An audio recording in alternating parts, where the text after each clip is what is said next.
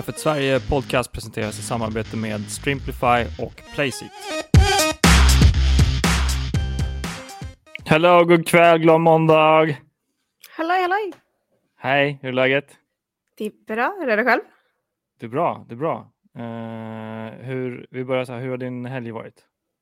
Den har varit bra, väldigt Ja. eventfull. Varit lite spelevent och sådär och ehm, ja, vänner som har hälsat på. Det är mycket som har hänt. Gött, gött, gött. Själv då? Eh, eh, det var ganska lugn helg. Jag tror det ja, men ganska chill. Peta lite, fixa lite och sånt där. Eh, så det är skönt att kolla på race. Det var jättenice att verkligen köra Miami. Vi ska snacka Miami. Eh, så välkomna till avsnitt nummer 35, Miami GP. Vi ska dra lite flaggor, gröna, gula, röda och vi ska snacka upp helgens race. Eh, men först och främst så ska vi säga eh, tack till våra sponsorer. Så det är Playseat och Strimplify och vi kör ju en tävling som är pågående nu under x antal eh, GP-race. Och ni som har sett det kanske läst det. Eh, vi har ju tävlingen pågående och du är delaktig genom att kommentera i eh, chatten. Så att jag kunde nyss se att all eh, typ av teknik verkar funka. Som eh, vi hade lite buggar förra gången. Men nu verkar vi ha eh, aktivitet både från eh, Facebookgruppen, från Facebook-sidan och från eh, Youtube. Så att ni som vill vara med, eh, ni kan hoppa in och kommentera och eh, ni gör det helt enkelt genom att kommentera någonting, alltså fråga eller reagera eller någonting i podden. Och eh, sen så kommer vi lotta ut en del priser mot slutet, mot eh, sommaren. Har jag missat någonting Rebecka? Utan det är bara, denna gången är det ju en eh, Evolution Pro Black uh, Actifit från Playseat som är på, står på spel. Eh, och som sagt, vi vill ju alltid att folk ska vara med och kommentera och ställa frågor och reaktioner och sånt. Så det är bara en chans att kunna göra det och faktiskt eh, få någonting av det. Och sen som sagt så kommer det ju mer under årets gång också från eh, alla våra sponsorer. Yes. Ja, men superkul. Är jättetacksamma för att vi har lite sponsorer och de är med och eh, gör någonting för er i communityt. Och det är ju ro, speciellt roligt för de som tycker om att gamea och köra F1-spelet bland annat. Men man kanske, man kanske vill streama lite annat som jag kanske vill göra lite YouTube sen som jag också försöker göra. Så att eh, ner till vänster ser ni min logotyp, mina otroligt ambitiösa saker att göra lite äventyrs YouTube. Men Ute och seglar ibland till exempel. Ja, jag håller faktiskt på att producera mitt första segel, segelklipp avsnitt. Eh, det var lite, det var spännande faktiskt. Jag ska se om jag kan få fram, jag missade att filma en del. Man är liksom första gången ute på en segelbåt, har inte kunnat rigga alla, alla kamerorna, är helt ovan med båten. Så att eh, det mest spännande hamnade inte på film, men eh, jag ska försöka återberätta. Och sådär, så att, ja. Mm. stay, stay tuned, subscribe if you want. Eller, gör inte Ja, det, kolla in. Men det var, det var ju en valid ursäkt i alla fall att missa podden förra veckan. Och Mm. det var lite synd bara att inte ha det här. Ja, det var tråkigt, men jag hörde och såg att ni presterade i paritet, kan man säga. Ja. Gött. Um, all right, ska vi, ehm, ska, vi, ska vi köra lite första, alltså lyft ditt hjärta om racet igår. Vad, vad är dina intryck? Alltså, jag gillar Miami. Jag gillar Miami som, liksom, som bana faktiskt. Är väldigt bra liksom, bland de nya, liksom, att man faktiskt tycker om det. Och det, är- det är kul med det amerikanska och lite mer showmanaktigt. Liksom. Man märker när man går från Azerbaijan till Miami att det är liksom väldigt stor skillnad, inte bara på banan utan också på hur de liksom presenterar racet och, och hur det ser ut och hur liksom vad du har för folk i, um, i paddocken och liknande och så också. Um, men själva racet i sig var ju väldigt um, intetsägande, oeventfullt kan man väl säga. Mm. Jag spinner vidare på det. Jag, tycker jag måste hålla med. Alltså racet. Eh, om vi säger så här, kvalet var lite kul tycker jag. Eh, kvalen börjar bli faktiskt mer och mer spännande. Typ. Jag Fram tycker, till Q1 skulle jag säga. ja, men eller- typ. Q3 blir Ja. det. Ja. Sen så Hamilton åkte ju ut på, inför Q3 så det var lite surprise. Ehm, så det började bli lite drama där och det var ju, nu kommer jag inte ihåg vem som smällde, men det var ju någon som gjorde det som Leclerc. skapade lite, Leclerc, tack, skapade oreda och gjorde att Perez kunde faktiskt starta på pole för att eh, Max hade möjlighet att fortfarande göra ett till varv tror jag. Ja, Max, Max hade precis kommit ut och var på sitt första varv, så han hade ju ingen tid eh, när Leclerc smällde. Så jag vet inte Mm. exakt hur de sätter klassificeringen sen för själva liksom, griden, om det är baserat på eh, tiden i tidigare, för att det var ju flera som inte fick tider. Ja, exakt. Du sätter den i Q2, exakt. Jag tror jag. Du tar den tiden som senast satt, eh, om jag minns rätt. Mm. Eh, det här är liksom fördelen med att eh, vi kör live, för att ni kan kommentera och reagera och säga rätt oss och hjälpa till när vi babblar om någonting som är lite halvrätt ungefär. Så att ni som kollar, är bara att kommentera hur Det är 17... ju mycket att komma ihåg liksom. Mm, det blir det. Ehm, Men alltså Och- jag tyckte det var superspännande. Jag kollade på det, inte live, men jag kollade liksom medan det fortfarande är igång så började jag det. Och just det här att det smällde. Och så, för man ser, man ser Max sitta där under sista uh, Q3 där, att han sitter liksom i garaget redo för att komma ut. Och man bara, Mm. men varför? Var, alltså jag, jag förstår ju varför. Men jag är också så här bara, varför kan de inte bara skicka ut honom? Och sen så när det väl smäller, då inser man också att ja, men, det har ju verkligen inte liksom lönat sig nu med att hålla honom inne och släppa ut honom sent. Nej, precis. Men jag, sen tror jag det där har en del att göra med också banan, alltså asfalten. För att det var en hel del snack om den här asfalten Mm. i, år, i, i år, kan man säga i år. Och eh, med veterligen så fanns det, jag tror den var hel, en del omlagd. För att jag, rätta mig om jag har fel, men hela banan är ju inte en bana året runt. Så det är ju liksom en tillfällig bana som de producerar inför varje race, om jag minns rätt. Så det, det, Det enda jag vet är att de, de, gjorde, den, den börj, de började bygget på den 2021 och den var klar kort innan 2022-racet förra året. Men det Mm. jag vet är att de har lagt om asfalten inför i år. Precis, exakt, that's my point. Så Mm. de, de, det var någon som sa det i början, det fanns ingen data på asfalten så det skulle kunna Mm. bli ett spännande race. Ja, Men Jonas nämnde ju det under förra podden, just där att ibland så åker de ju ut och tar tester på asfalten innan. Mm. Exakt. till labb. Ja, men eh, så det trodde man och sen så trodde man också att det skulle kunna bli lite spännande på grund av vädret. det var ju lite regn i luften inför söndagen igår, men det vart inte det. Eh, väderkomponenten spelade inte så stor roll, asfaltkomponenten spelade inte så stor roll. Så att rent generellt sett så vart, vart det, jag tror jag hade ganska höga förväntningar och sen så var det Miami också för att det är liksom stort spektakel alltihopa. Mm. Eh, Så jag tyckte att det skulle vara kul och spännande race. Liksom. Plus att lite stadsbana, det kan hända ordentliga kläm, klämomkörningar liksom mellan barriärerna och väggarna. Men ja, nej, jag tycker inte det vart så mycket som man hade hoppats på i alla fall. Nej, och, nej, och jag menar den enda, den enda smällen vi fick var ju, var ju under qualifying. Eh, annars Mm. var det ju bara DeVries lockup in i ehm, Norris där, precis vid uppstarten. Annars så var det ju inte så mycket liksom kontakt och drama och liksom, det blev ju inga gula flaggor överhuvudtaget. Och det, Mm. alltså, inte, när hade vi senast ett race utan gul flagg? Ja, men precis. Det var bara så här. Jag hoppades på att det skulle bli lite action. Jag menar, vi har ju redan haft ett race i år som har fyra, tre stycken rödflaggor. Så att man bara, ja, men vad hände? Kom igen. Liksom. Jo men Australien var för mycket memes, Miami var Mm. inga alls. Så det är så här, jag vet inte. Och Mm. alltså jag, jag ser fram, jag gillar ju, jag gillar de amerikanska just för att det är så, de slår på så stort. Det är väldigt amerikanskt om man säger så. Att de liksom, Mm.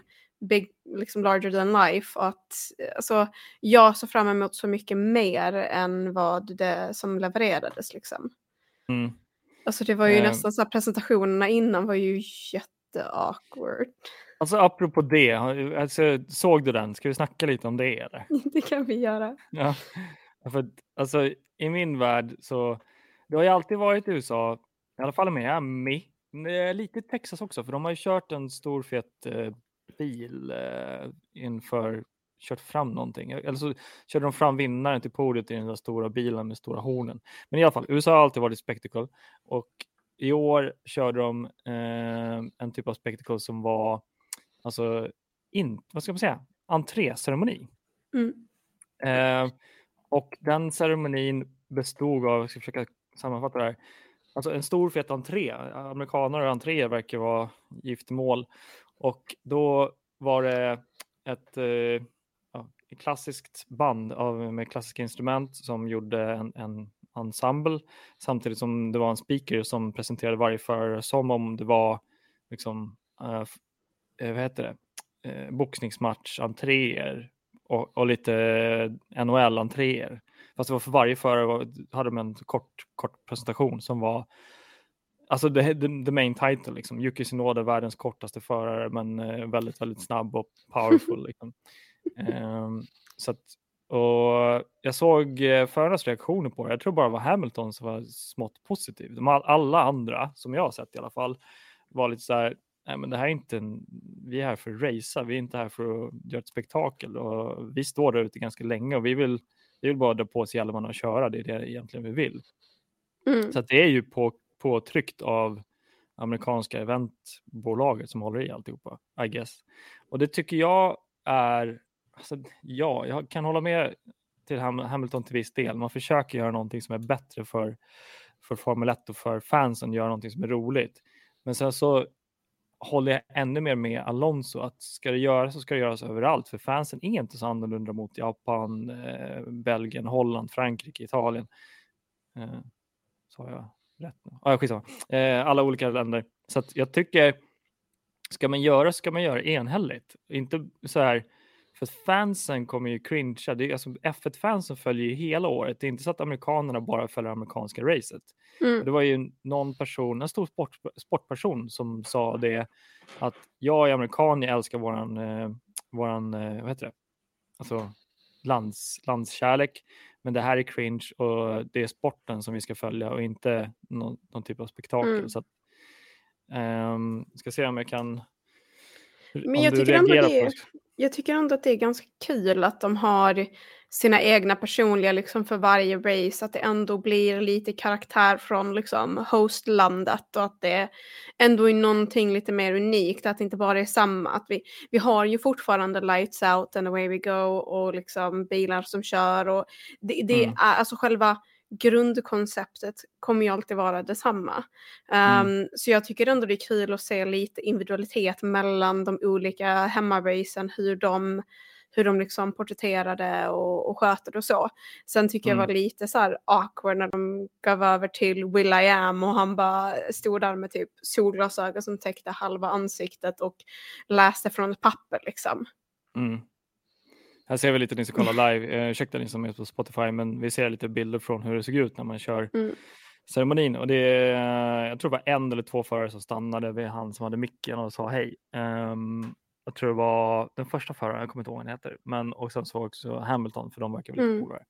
Eh, men annars var det bara hej hej, nu går vi och ställer Lite oss bland stelt alla vinka, massa så här cheerleaders med pompoms och Ja, orkester. och så, så här, pyro, inte pyroteknik, men eh, gas, vad heter det? Ja, Ja men lite så här rök och sånt ja. muffar, rök sånt. Ja. Och det, nej jag tycker, jag, jag röstar nej. Jag tycker inte vi ska ha det. Jag tycker det är kul.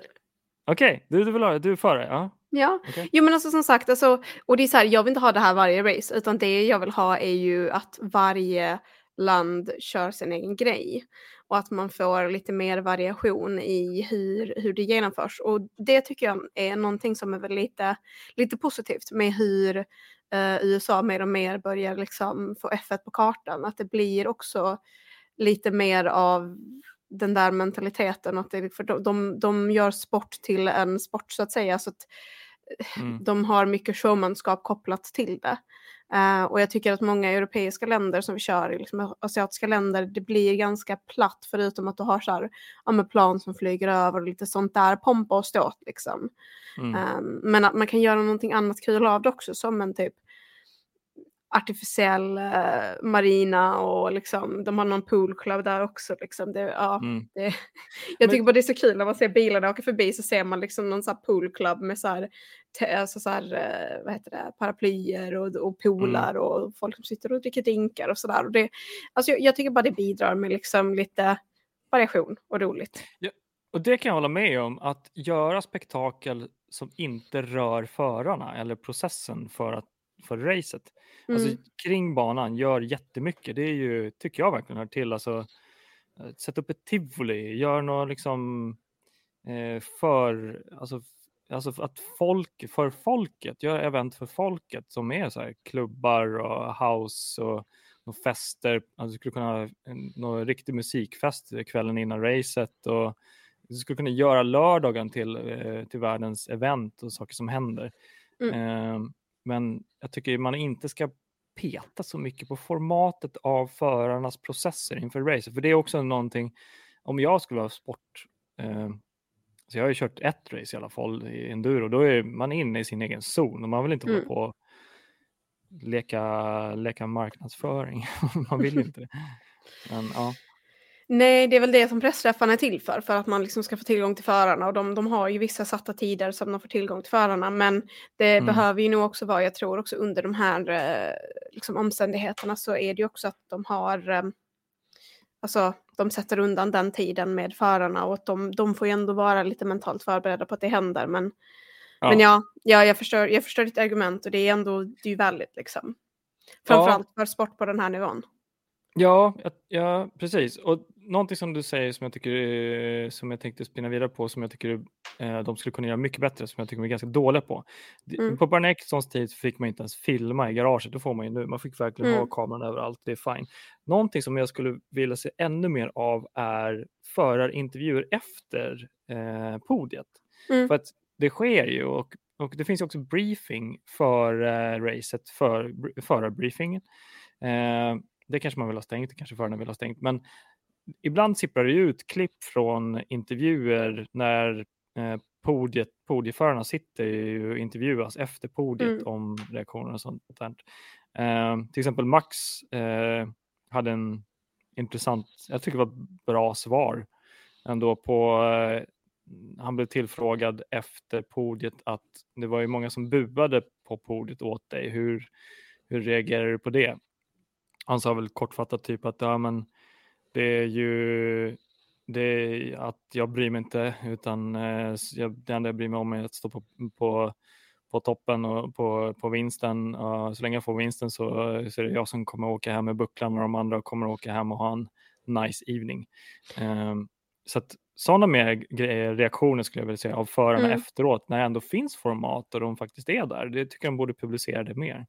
Men jag tycker det är kul också för man får ju se där också det här rummet de går in i efter. Mm, innan de går det. upp på liksom, podiumet också. Och där, Mm. där ser man ju också lite men relationen mellan förarna och deras interaktioner. Och det, det tycker jag är superkul också att man liksom får ta del av. Och det borde de micka bättre. För att mickarna sitter ju bara på, jag vet inte var de sitter knappt, men de borde micka det bättre och ha schysstare mickar så man hör exakt vad de säger. Typ sätta en mick på varje stol eh, så att, så att man hör. Liksom. Ehm, men jag vet inte om det är förarna som har sagt nej till sånt. Ehm, men i alla fall efterintervjuerna tycker jag kan gå ut. Det tror jag inte är förarna, alltså det är en intervju ändå, ett format, krä- krav att det ska Mm. vara där. Så att jag tror inte förarna skulle säga nej till att det ska publiceras, utan då är det i sådana fall media som, som endast vill ha rättigheter till, eh, till vissa intervjuer efteråt. Ja, ja jag tycker det är lite, lite segt för jag kollar ju via FTV och där har de ju sitt eget, sin egen sändning och sen har de även Sky. Men Mm. på Sky-sändningen så sänder de bara racet. Så att man Okej. får inte se Gridwalk med Martin Brundle till exempel. eh, vilket är lite synd för det är typ någon, en av de grejerna som jag tycker är roligast liksom. Mm. Ehm, så det är väl någonting som jag liksom saknar lite är det här contentet utöver själva racet också. Men samtidigt, jag får racet varje, varje vecka oavsett liksom. Så att det är ju det är en fördel. Plus att via dem får du också tillgång till, ja men se uh, förarhjälmar och data och sånt och liknande. Och det är också lite kul sen när man nördar in sig på sånt. Ja, faktiskt. Sånt är, sånt är vä- väldigt kul faktiskt. Mm. Ehm, är vi nöjda med det? Ska vi dyka in på lite flaggor och sånt där? Ja, ja, men det tycker jag. Vi kan väl gå in få lite mer detaljer från vad vi tyckte om racet. Let's do it. Vill du börja? Vill du ta någon? Eller ska jag? Ja, alltså jag, jag kan ju börja med min första gröna flagga, vilket alltså det är en oväntad grön flagga från mig. Men min gröna Mm. flagga, första gröna flagga går till alpin för Ocon och Gasly. För jag tycker alltså de har de har visat potential, men det här racet så, så var de ju faktiskt, Gasly låg ju liksom så fyra någonstans där i början och att de liksom, de har ändå rent generellt sett presterat under racet under gårdagen. Eh, och jag tror att Gasly kom in någonstans på nionde och Ocon lite över det. Och att Mm. det är ändå intressant att se just det med att de har varit ganska mycket, inte underdog, men de har liksom legat någonstans på nedre mellanskiktet. Och det är konstigt för att jag menar, jag, jag, ser, jag ser ju dem i nivå med McLaren till exempel och McLaren har ju inte alls levererat på samma sätt. Så det är, det är kul att se liksom att båda förarna får poäng, det går bra, det blir ingen olycka som i var det Australien där de krockade in i varandra och liksom mm. förstörde allt. Um, så min gröna flagga går liksom till den här, ja men det är kul att se utveckling hos, hos andra stall uh, och att mm. det, det händer grejer helt enkelt. Ja men verkligen. Mm. Uh, jag är faktiskt också lite positivt överraskad över dem. Jag trodde faktiskt att uh, faktiskt att McLaren och Alpin skulle ha tajtare kamp, men ja, jag kommer till det här McLaren.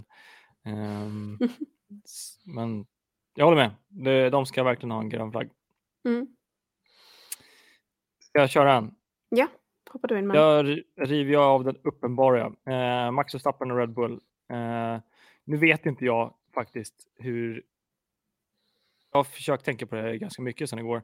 Vad är det som gör att de är så snabba? Är det på grund av Max Verstappen eller på grund av Red Bull-bilen? Uh, jag har inte kommit fram till någonting. Jag vet faktiskt inte om det är Red Bull eller Verstappen. Det jag dock kunde se är när Verstappen körde om uh, Perez varv, mm. ja, när det var nio varv kvar tror jag. Mm. Då såg jag en wobbling i Perez uh, bil.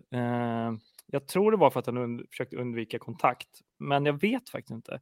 Jag såg att han, han hade ju innerspåret om jag minns rätt och så eh, väjde han bort från Verstappen och mm. eh, bilen satte sig, eh, jag vet inte om det jag har inte kollat rattutslagen om det är onboard-kameran skulle jag vilja säga, men eh, jag tror att Verstappen har en annan uppsättning, eh, vilket gör att för Verstappen gick i mål eh, fem och en halv sekund snabbare än Perez. Mm. Eh, han startade nia, gick i mål eh, först och eh, fem och en halv sekund snabbare än Perez. För mig att köra in, äh, köra fem och en halv sekund snabbare per, på nio varv, det är ju cirka 0,5 per varv. Mm. En förare tror inte jag presterar 0,5 sekunder per varv. Vet inte. Alltså, eh, om du har exakt samma bil, för Peres mm. är snabb, han är jävligt duktig. Mm. Och Ja, men, men samtidigt tror jag att kanske, alltså Paris känns också som att han är medveten om att uh, Verstappen har pacen för honom för att Verstappen hade nyare däck och liksom han hade pacen. Um, mm. Så jag tror också att det kan vara som så att då är det egentligen bara, i, alltså då vill du inte riskera någonting med bilen för att gapet mellan liksom bort till Alonso var ju ganska långt. Det var ju eh, kanske inte lika mycket som det var Azerbajdzjan till Leclerc men det var ju fortfarande liksom ett, ett långt gap däremellan där de liksom ändå hade mm. utrymme och kanske ta det lite lugnt. Jag vet inte. Så det, under de lapsen så tror jag att det var Verstappen som satte fastest lap flest gånger, för han satte ju flera därefter. Ja. Uh, Perez satte tidigare under liksom, racets gång, men inte under de varven. Uh, mm. Jag tror att hans däck var alldeles för liksom, borta vid det laget för att ens liksom, slåss. Mm. Precis, däcken har absolut väldigt stor, eh, stort ärende som du säger. Det var en stor, stor gap så han kunde ta det lite lugnt. Men någon, eh, jag försöker hitta en jämförelse. Vi vet mm. i alla fall att senast en förare tog sig i mål som vinnare var som startade nionde plats var 1904, 1984, Niki Lauda. Mm. Eh, så det säger en hel del om den prestationen igår, så därför får han en grön flagg. Eh, mm. Jag eh, har otroligt stor respekt för honom just nu och för det han gör. Han är en liga för sig själv. Eh, sen kan man diskutera honom som person, det, det, det är en annan sak. Men hans, eh, hans prestationer idag och eh, hittills i år har ju varit otroligt coola. Jag tror mm. Sen är det bara fyra eller fem stycken mästare som har tagit eh, hattrick i, i eh, mästerskapstitel, alltså eh, Championship-titel, förartiteln. Mm. Så det kommer att bli jätteintressant att se om han lyckas göra det i år. Och, eh, det lutar mot det, han är så, så pass oslagbar. Ja, men det jag tycker är intressant att se också, det var jag kollade lite på tidigare prestationer i år och eh, den enda gången som det inte var en 1-2 för Red Bull var när Perez kom femma och Verstappen etta. Uh, Mm. Annars har de ju kört 1-2 varje race det här året. Mm. Och, Mm. Så det är ju tre första placeringar för Verstappen och två för Perez. Och sen Mm. kan man ju kanske räkna in sprinten förra veckan också. Men jag menar som sagt, alltså, jag tycker det är superkul att se Perez dock. Alltså, jag börjar nästan så här bli ett Perez-fan mer än ett Verstappen-fan. För att nu är så här, man bara, du vet vad du får av Verstappen. Han kommer Ja. att vinna. Alltså det är Mm. liksom, det är, inga, det är inga oklarheter, det är inga frågetecken. Medan med Perez är det så här, kan han faktiskt ta sig dit? Kan han, han presterar ju. Liksom, Mm. lyckas ta pole, visst. Eh, antagligen mest för att Verstappen inte fick en kvalificerande tid. Men också liksom under förra veckans race vinna både eh, sprinten och racet. Mm. Och eh, jag tycker det är superintressant att se den dynamiken inom Red Bull. Den, och den dynamiken har det börjat pratas om. Jag tror det var Ralf Schumacher som har eh, haft öronen mot rälsen i paddocken och Mm. börjat säga, det börjar, enligt honom så börjar det pratas om hur de kan byta ut Perez för att han börjar bli så pass bra. Mm. Eh, för att han, Max är ju Golden Boy och eh, Horner gör ju allt för att Max ska vinna, tror jag. Eh, så att det börjar verka som att de ska, nu när Perez blir så pass bra som du säger, det är så pass kul att följa honom, då börjar man diskutera hur, hur, eh, hur pass farlig är han. Mm. Ehm, Ja, för jag menar, hade Perez tagit eh, denna vinsten så hade ju han lett mästerskapet. ja, precis. Exakt. Så det var ju, det var ju på håret. Um, nej, så det ska, bli, det ska bli jättekul att följa och eh, jag tror Paris blir roligare och roligare. Och en till sak som jag kom på var liksom, jag hoppas faktiskt att eh, Red Bull fortsätter att vinna och dominera så pass mycket för att då får Red Bull-fansen känna hur det känns att ha ett dominerande lag som Mm. vinner så pass mycket och så pass eh, utan motstånd. För det är andra fans som har följt med, eh, alltså Ferrari-fansen har ju känt det på Schumachers tid, Hamilton och Bottas och Nico Rosberg-fansen har ju följt det på Mersas tid. Eh, Så då får man ju känna hur det känns att vara det dominerande laget om man får andra fans som säger så här, det är så tråkigt när Red Bull vinner. Mm. det är ju inte så tråkigt när man ser en dominans. Jag tycker tvärtom det är ganska fint att eh, Red Bull dominerar så pass mycket. Det är tråkigt för sporten, absolut, det blir mindre fight. Men det är roligt också att se att något lag har gjort en så otroligt bra bil och det måste man faktiskt respektera och bara hatten av. Eh, jag vill gärna se varför och hur det skedde. Mm. Men, Ja, men det, är superintressant. Ja, det är det. Men det var någon som kommenterade också, reglementet har ju bevisligen inte eh, nått sitt mål. För reglementet Mm. var att det skulle bli tajtare fight genom hela fältet och det har det ju inte Mm. blivit. Utan 2021 hade vi som tajtast, eh, och det är slutet på förra reglementesperioden. Så eh, nu har vi, är det tredje året på reglementesperioden nu? Nej, andra är det Mm. Andra året på reglementesperioden och vi har redan ett team som sticker iväg totalt. Så det, reglementet har ju misslyckats där också, så det är också på, det, på grund av det är lite tråkigt. Men det är ju roligt att se att någon har verkligen låst upp reglementet på rätt sätt och ja, vi kommer få se i år om det blir överklagan och, och undersökningar på Red Bull-bilen, vad de gör och varför det är så pass bra. Men ja, Ja, alltså den, den har ju verkligen en extrem fart jämfört med de andra bilarna. Mm. Det ser man ju. Alltså för att det är inte, det är inte som så att liksom Verstappen är ensam om det, utan Perez är ju samma sak. De Mm. är ju båda liksom farliga eh, på banan, så att ehm, Mm. ja, vi får se. Vi får se. Vill du köra en till? Ja, ehm, jag hade ju en grön flagga till Verstappen i och med att Okej. ta sig från nionde till, till första och det där liksom. Och han, alltså, han har ju presterat så tidigare också, just det här att ligga ganska långt bak i fältet, faktiskt, alltså omkörningarna han gör, alltså det är nästan som någon sån här, så här zigzag liksom mellan Mm. ibland. Eh, det är superkul att se. Men, eh, men vi kan släppa Verstappen och kanske ta tag i uh, vår, vår landsgranne Magnusen från Danmark. Mm. Alltså, alltså hans fight med Leclerc var ju helt fantastiskt kul att se. Alltså jag, jag, jag tycker, men just det där med liksom hela den här underdog-fighten med, med Haas och all, all liksom kamp fram och tillbaka de har haft och Magnusen som fick lämna sporten och sen komma tillbaka och liksom få sin redemption och nu behöva tävla med Hulkad som jag vet inte hur deras relation är sen de jag kommer inte ihåg om det var Kevin eller Hulkenberg som bad den andra om att göra någonting Mm. explicit, men det var ju liksom så det, det är kul att se den dynamiken där också, se att Hulkenberg kan prestera. Men just alltså Magnusson och Leclercs fight, att Leclerc tar om och sen så kommer Magnusson tillbaka och bara nope, den platsen var min, även om han Ja. förlorade den senare. Um, så är det superkul att se liksom att både Haas och Magnussen kan, kan ta sig framåt och faktiskt liksom tävla och hamna i poängen framför allt. För det är ju, det var ju länge, länge sedan, eller jag vet inte ens om vi, några år sedan kanske vi hade typ lite så poäng för Haas, men nu verkar det som att de rent generellt sett får poäng, um, ge liksom efter några race i alla fall. Så de har ju, Mm. jag vet inte exakt hur mycket de har nu, men just att de faktiskt eh, levererar i poängen flera, fler än en gång, att det inte är one trick pony liksom. Precis, och han kvalade in fjärde på Mm. starten fjärde, så det är också en grön flagga på Magnusen. Så att eh, det är någonting de gör som är väldigt korrekt och det tycker jag är så intressant. Det är liksom en Ferrari eh, i kvalet som är framför Ke- Kevin Magnussen. Sen har du eh, Charles Leclerc på sjunde och sen så tror jag eh, Haas kommer igen, Nico Hulkenberg kvalar in tolfte. Mm. så att det finns ju möjligheter med bilen jag tror att det var kanske där vi fick se eh, den här volatiliteten att inte kunna Miami-banan för att det finns Mm. massa team som kom på olika konstiga platser. Mm. Eh, så att, Jo men där, där tror jag också att det var lite beroende på, nu, nu, nu lyckades han ju ta sig till Q3, men jag tror också att det var ju lite på grund av, eller tack vare, beror på hur man ser det, um, Leclercs olycka under qualifying, just att liksom själva grid-toppen såg ut som den gjorde.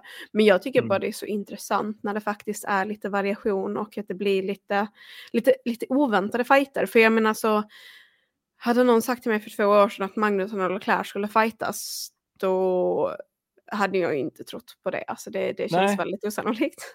Nej, exakt. Det, jag har en flagga till Ferrari, men Mhm. jag kanske ska, ska jag dra av den och hoppa lite eller? Alltså- ja, går, till, går ner till röda flaggor. Ja, vi tar det underifrån. Vi är ändå segway till Leclerc och Ferrari. Jag tror vi båda hade någonting där. Jag, Min Men- röda flagga är till Leclerc och jag tror att din är till Ferrari. Så att det är väl lite same same but Mm. different. Mm.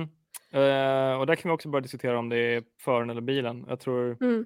jag, jag tror inte det är förarna för att jag, vi vet att Leclerc har kapacitet att vinna på eh, Monaco och andra banor. Så att, eh, det är någonting som har hänt med Ferrari igen och det talar ju sitt språk med att byta teamchef. Eh, uppenbarligen. Sen blir det ju släpande prestanda. Alltså Aston Martin-bilen i år kan ju inte Alonso ta cred av utan det är ju, vill jag påstå, Vettel som har byggt upp den här bilen och teamet och, och rekryteringarna som de har gjort in till Aston Martin. Så Ferrari har ju tappat folk och personal. Jag tror Fred Vassör sa väl det, att det var ju han som är öppet ute och försöker sno folk nu från bland annat Red Bull tror jag. Eh, I den kråksången eh, för att få in bra folk så verkar det vara garden leave som är upp till tre år. Det visste inte jag. Det kan vara Mm. upp till tre år garden leave mellan vissa positioner mellan, te- mellan teamen. Och det tycker jag är lite för länge i Formel 1. Det är liksom sjukt länge i Formel 1 för då ska du sitta på bänken i tre år innan du kan hoppa in i ett nytt team. Mm. Det är jättekonstigt. Alltså, det är ju eh, fri marknadsrörlighet, en stick i stäv med liksom så här.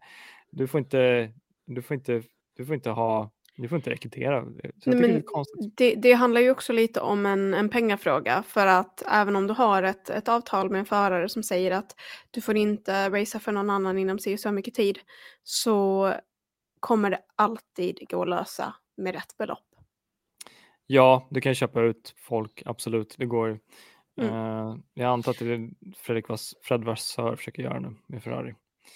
Men eh, någonting. En ja. sak med Ferrari jämfört med föregående säsong som de bara måste få cred för det är ju att nu är ändå fem race in, vi har ändå sett lite prestationer och sådär. Pålitligheten i bilen är mycket bättre.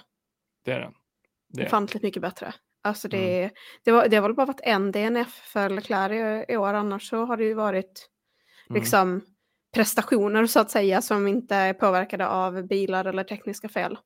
Mm. Sant. Det är kanske Fred Vassör som har styrt upp det där, för jag tror Benotto var väldigt öppen med att vi ska ha eh, prestation för tillförlitlighet. Och då kraschar den hela tiden. Ehm, nej, så det, är- det blir intressant också att se om Fred Vassör har regler och principer kring att motorpaketet ska hålla, alltså dra ner trimmen på det, dra ner, dra ner kapaciteten på motorn så att de håller hela året så att de inte får straffpoäng mot slutet, för det är många race i år. Uh, så vi ska se lite om den strategin lönar sig. Jag tror Merca har ju varit ganska öppna med att de har en sån strategi nästan alltid varje år.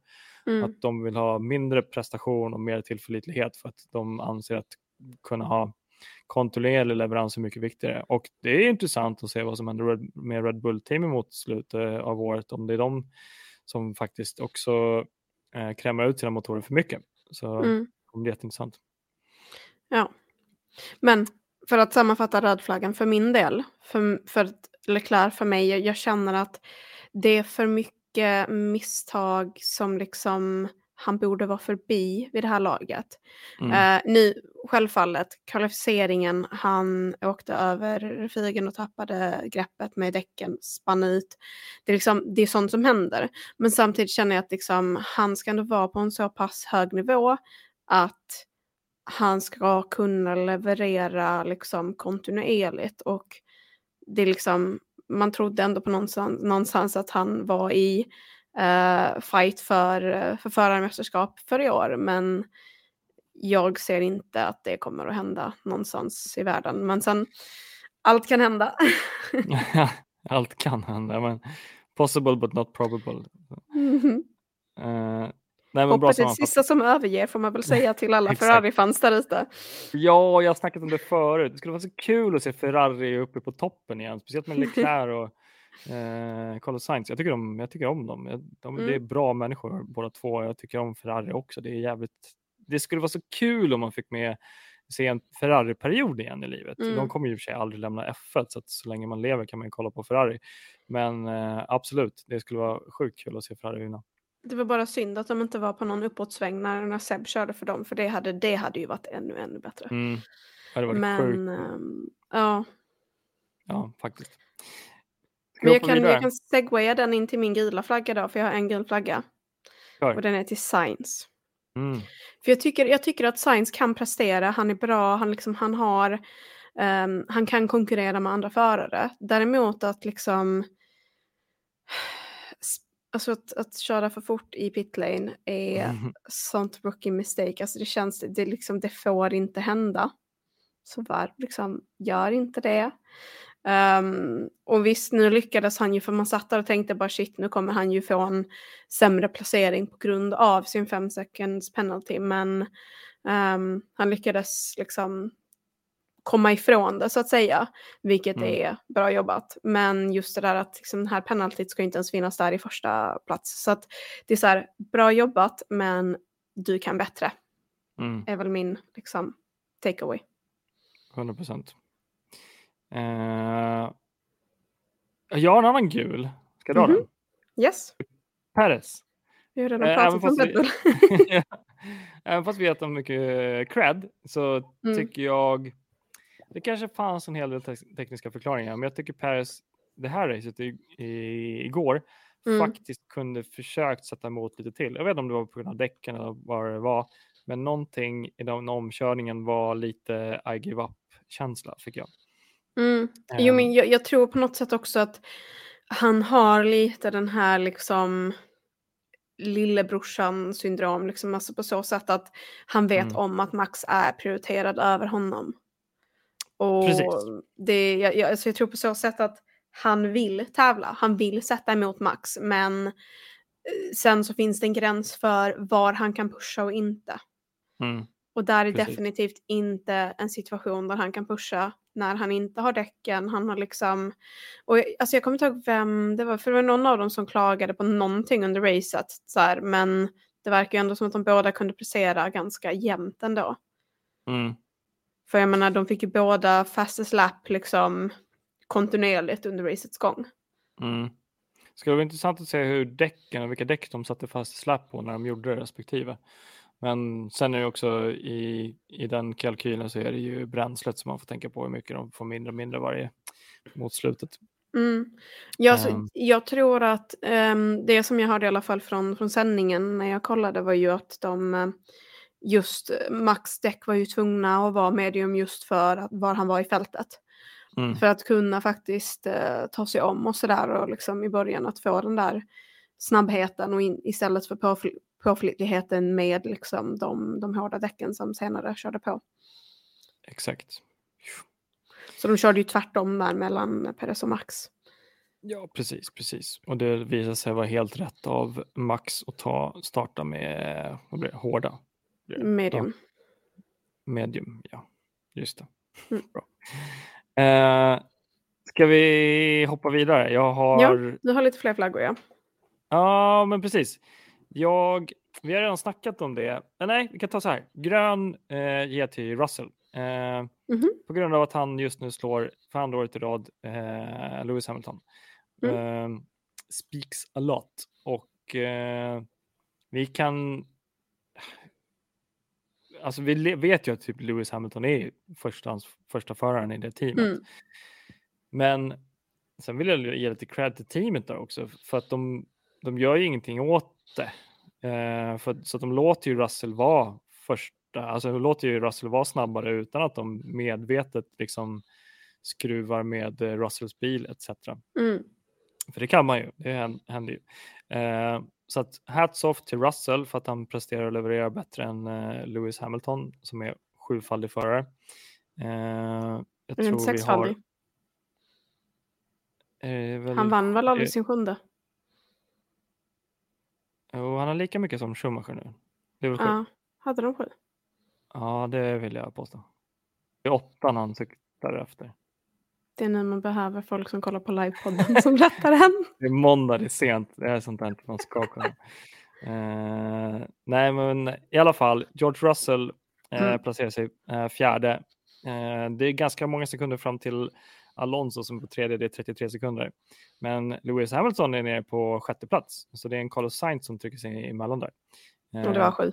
Sju, precis. Där det upp. Eh, jag, hade, jag hade rätt, ja. Ja. Eh, nej, men, eh, nej, för det är det han strävar efter, att få åttan som är re- historierekord. Rekord. Så att George Russell ska ju ha hats off och jag tycker han är grym. Sen också på grund av att han, jag vet inte om det är för att han också börjar förstå teampolitiken, att han inte gör en grej av att han är snabbare. För att det skulle han Mm. kunna göra och kliva in och försöka vara alfa i teamet och säga det är jag som är snabbast, det är jag som ska ha mest rätt till bla bla bla x, y, z. Men det gör han inte, verkar Jo, men- som. Utan, Vill, vill man göra det, alltså om, om, om, du, om du sätter dig själv i George Russells skor. George Russell har växt upp under Lewis Hamilton-eran. Lewis Mm. Hamilton är en ikon och en idol för honom. Och det faktum att han liksom får komma upp i Mercedes och, och tävla mot med Lewis och sen också kunna utprestera honom. Jag tror inte någonstans, alltså någonstans tror jag inte att du vill liksom flanta med det utan att, att han kanske Nej. bara vill liksom men njuta av det liksom och, um, och inte vara den som är den. Um. För jag menar vi har ju sett alla de här bilderna med de här unga förarna Alltså med Lewis Hamilton under åren när de liksom har träffat honom när de körde typ kart och sånt. ja, Eh, och det är superkul att se och jag tror att många har den här fortfarande liksom, de är in A. Mm. Ja, men det- kanske är sån teamatmosfär de har lite att om George slår Lewis så är det lite så här, sorry. Eh, han ber lite om ursäkt för att han är snabbare, men och Lewis tror jag också har någon typ av attityd med att han, han, eh, han slår på sig själv. Eh, men sen så är det ju, eh, han har ju aldrig gillat den här bilen sedan starten på förra året för att det var så mycket Mm. porpoising och får inte kontroll på det. Liksom. Men eh, ja, eh, det, vi kan spekulera djupt i hur och varför, men i alla fall så är George Russell bättre än Lewis Hamilton. Det, det, var, det trodde jag inte och det var jättekul att se. Ja, alltså jag, jag måste ju bara nämna det att jag var ändå lite ledsen för jag satt, jag satt faktiskt under racet igår och bara, bara tänkte på det. det. Tanken slog mig när jag såg Hamilton på banan att så här, det känns verkligen som att Hamiltons tid är över. Mm. Hamilton var verkligen där. Alltså de låg neck to neck. 369 poäng vardera inför Abu Dhabi. Och sen så tog Max hem det och därefter har inte Lewis varit liksom kompetitiv överhuvudtaget, känns det som. Alltså visst, han har presterat, men det känns som att han har inte varit i liksom närheten av att vara lika nära mållinjen som de andra förarna. Jag menar, nu ser vi till exempel så här, Fernando Alonso presterar bättre än Mm. Hamilton. Mm. Och det, Men- jag vet inte, för mig känns det som att det är liksom end of an era, att nu, nu, nu är det faktiskt över. Ja, jag, både ja och nej. Jag tror inte det. För att, eh, orsaken är att, att eh, man kan köra väldigt länge i Formel 1. Det ser vi på Mm. Alonso. Sa också efter det här racet sa han att jag aldrig haft en så här bra bil. Och det talar jättemycket. Han har liksom kört i McLaren, vunnit två titlar eh, och han säger att Aston Martin-bilen är den bästa han har kört. Och visst, vi vet att Alonso spär på eh, för att skapa rubriker, men jag tror faktiskt han känner det. Och det, Mm. det tror jag inte Lewis känner. Jag tror George passar i bilen mycket bättre på grund av X, Y, Z. Jag vet inte. Men bilen, alltså Lewis har varit öppen med att han inte alls trivs i den bilen. Och det kan vi se mer exempel på eh, med eh, Vettel som aldrig trivdes i varken Aston Martin-bilen, i Ferrarin, var ju kaos. Eh, Daniel Ricciardo fick aldrig kontroll på Red Bull-bilen i hans andra fas, eh, i hans slutfas. McLaren-bilen kunde han alls inte kontrollera. Så att jag tror inte det är jag tror inte det är fel faktiskt på Lewis Hamilton och jag tror inte det, han kommer fortsätta vara kvar i minst två till år tills han har Ja, ja. chans på åttan. Men, Men, eh, jag, jag menar mer liksom att det här, för att så som Max är nu, så Mm. var Hamilton för några år sedan. Exakt, så är det. Och det jag menar är att det verkar som att nu är det förbi. Jag säger inte att Lewis Ja. Hamilton inte kommer att prestera och han kommer, han kommer ju vinna någon gång i framtiden också. Liksom. Mm. Men jag tror att så, liksom, hur ska man säga, pålitligt som han har vunnit tidigare, den, den tiden är förbi. Ja, ja, det är förbi. Det ser vi på resultaten. Men det kan komma igen. Eh, Mm. Jag tror inte. Jag tror inte Lewis som person är förbi, men jag tror Mm, hans, mm. hans era är förbi. Mm. så, så är det ju. Så att eh, lyckas Merca göra en comeback. Jag tror, alltså de har ju ambitionen att göra det. Och jag tror att jag tror att de faktiskt kan det inför nästa år. Det beror lite på hur det går med Red Bull. För att Red Bull är ju just nu de att slå. Mm. att komma upp, att utveckla sin Merca-bil i både samma hastighet som Red Bull gör och lite mer, för det måste komma i fatt också. Mm. Eh, det vet jag inte, de kommer inte lyckas med det i år, men inför nästa år, maybe. Sen fattar jag inte varför de är så otroligt eh, vad ska vi säga, envisa med sitt designkoncept med no side pod. Det finns ju någonting i det som de, som de är på. Men samtidigt så har ju de själv sagt att det är fram mot sommaren som de kommer börja kunna leverera lite uppdateringar som gör att det faktiskt blir prestanda. Mm. Eh, och ändå George Russell, var, visst var det fjärde placering? Eh, Mhm. Så att vi vet ju att bilen faktiskt kan.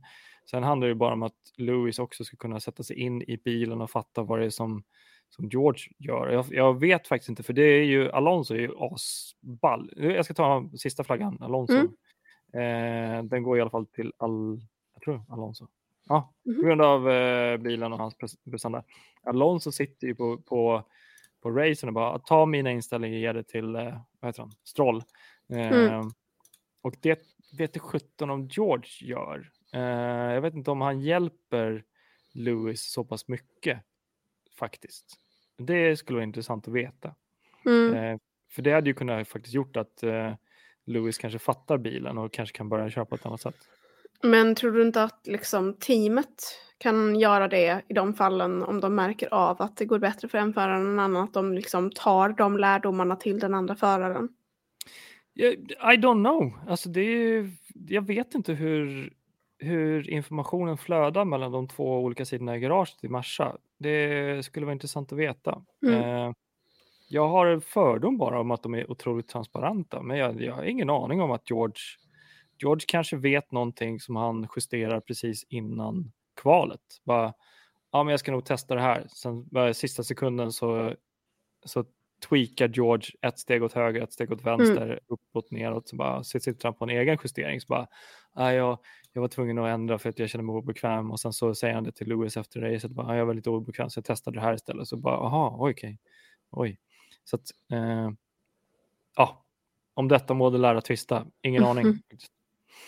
Jag glömde faktiskt, jag ville faktiskt ge en grön flagga till Alonso också just för att alltså, det är den här liksom pålitliga prestationen från honom från hans sida.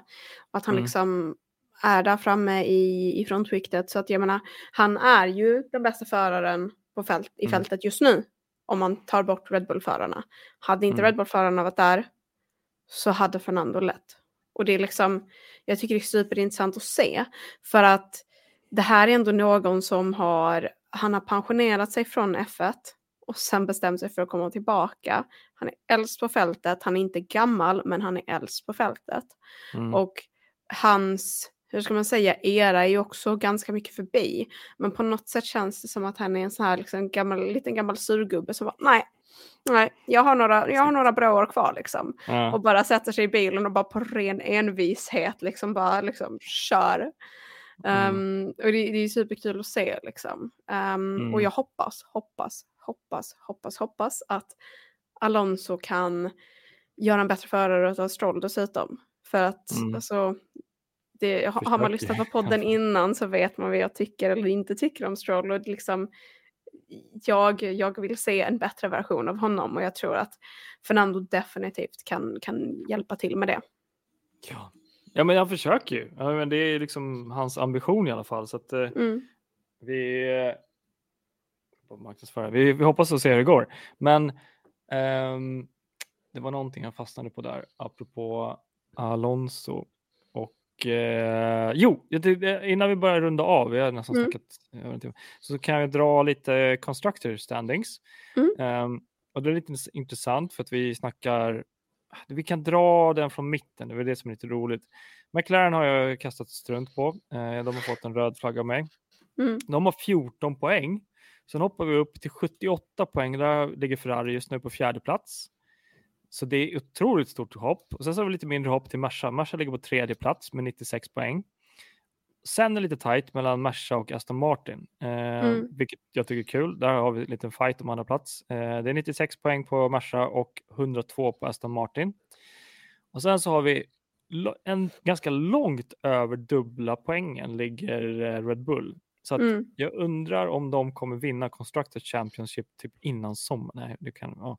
De kommer vinna Constructor Championship otroligt tidigt. Så vi måste, det skulle vara intressant att se efter procentuella antal racen hur tidigt Red Bull vinner Constructor Championship. För att mm.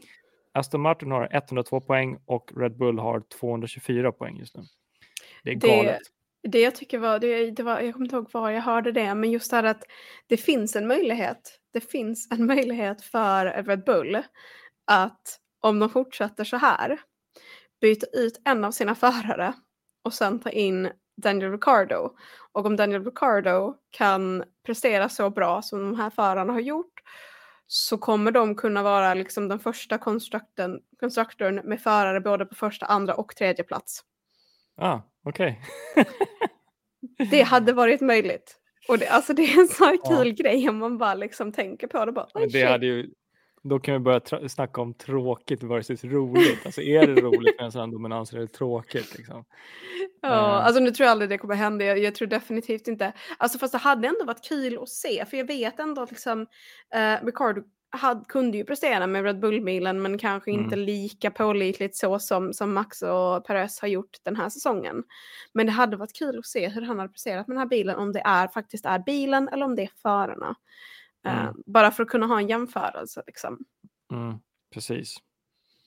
Äh, det kan bli jätteintressant. Det är helt andra saker och komponenter som vi tittar på i år än vad vi trodde, men det är fair enough, I'll take it.